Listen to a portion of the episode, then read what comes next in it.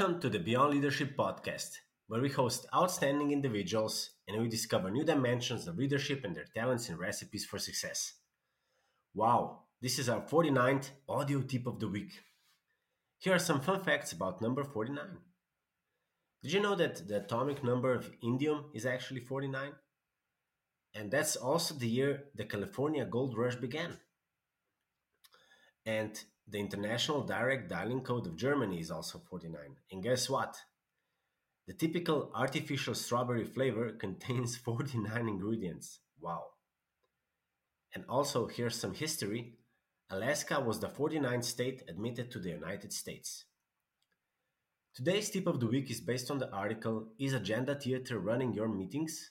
written by Whillans, Feldman, Wisniewski, published in October 2022 in Harvard Business Review. Now, clearing our inboxes, clearing our Slack messages, or managing our to do list, preparing an agenda can make us feel like we've accomplished something.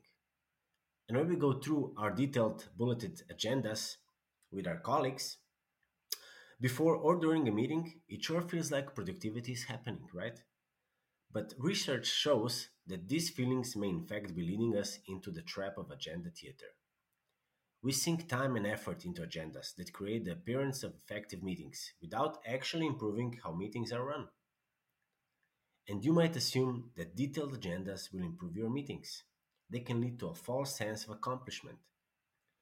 Instead of spending a lot of time and effort on the process for your meetings, think about what outcomes you want to achieve. Outcome number one start with the why. What specific purpose of this meeting? What do you hope to accomplish? Outcome number two. Move on to the what. What topics, themes, and information do you need to cover? What questions do you need answered? List them out. Number three. Consider the who.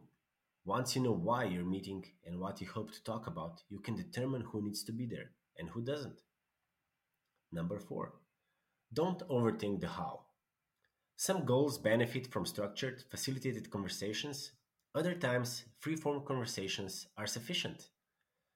Don't be afraid to figure out a structure in real time based on how the conversation naturally flows. Just go with the flow. And number five, the final one, beware the when.